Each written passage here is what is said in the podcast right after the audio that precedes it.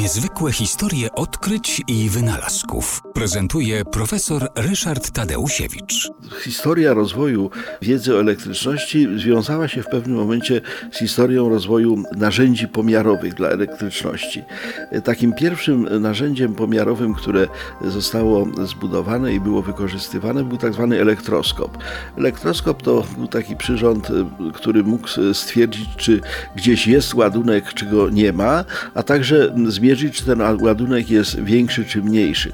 Wykorzystano w budowie elektroskopu y, to zjawisko, że jednakowe ładunki odpychają się wzajemnie, y, wobec tego naelektryzowane tym samym, powiedzmy dodatnim czy ujemnym ładunkiem y, płatki, listki folii w tym przypadku będą się rozchylały, tym bardziej im ten ładunek będzie większy.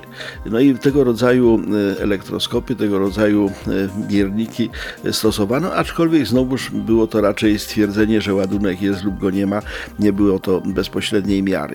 Natomiast w momencie, kiedy zaczęto mówić o prądzie elektrycznym, e, zaczęto poszukiwać sposobu na to, żeby ten prąd elektryczny w jakiś sposób zmierzyć.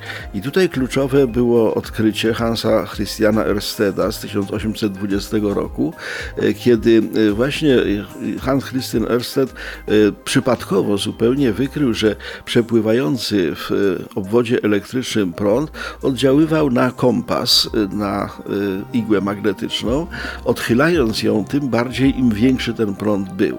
Y, no, y, dalszy ciąg był łatwy do przewidzenia.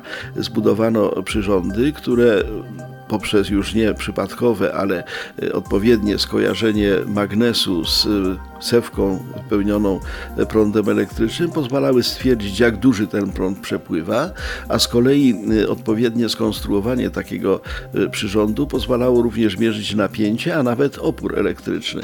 Czyli od pewnego momentu myśmy przeszli od elektrotechniki, czy powiedzmy wiedzy o elektryczności jakościowej do ilościowej, a tym momentem był 1800 1920 rok, doświadczenie Hansa Christiana Ersteda.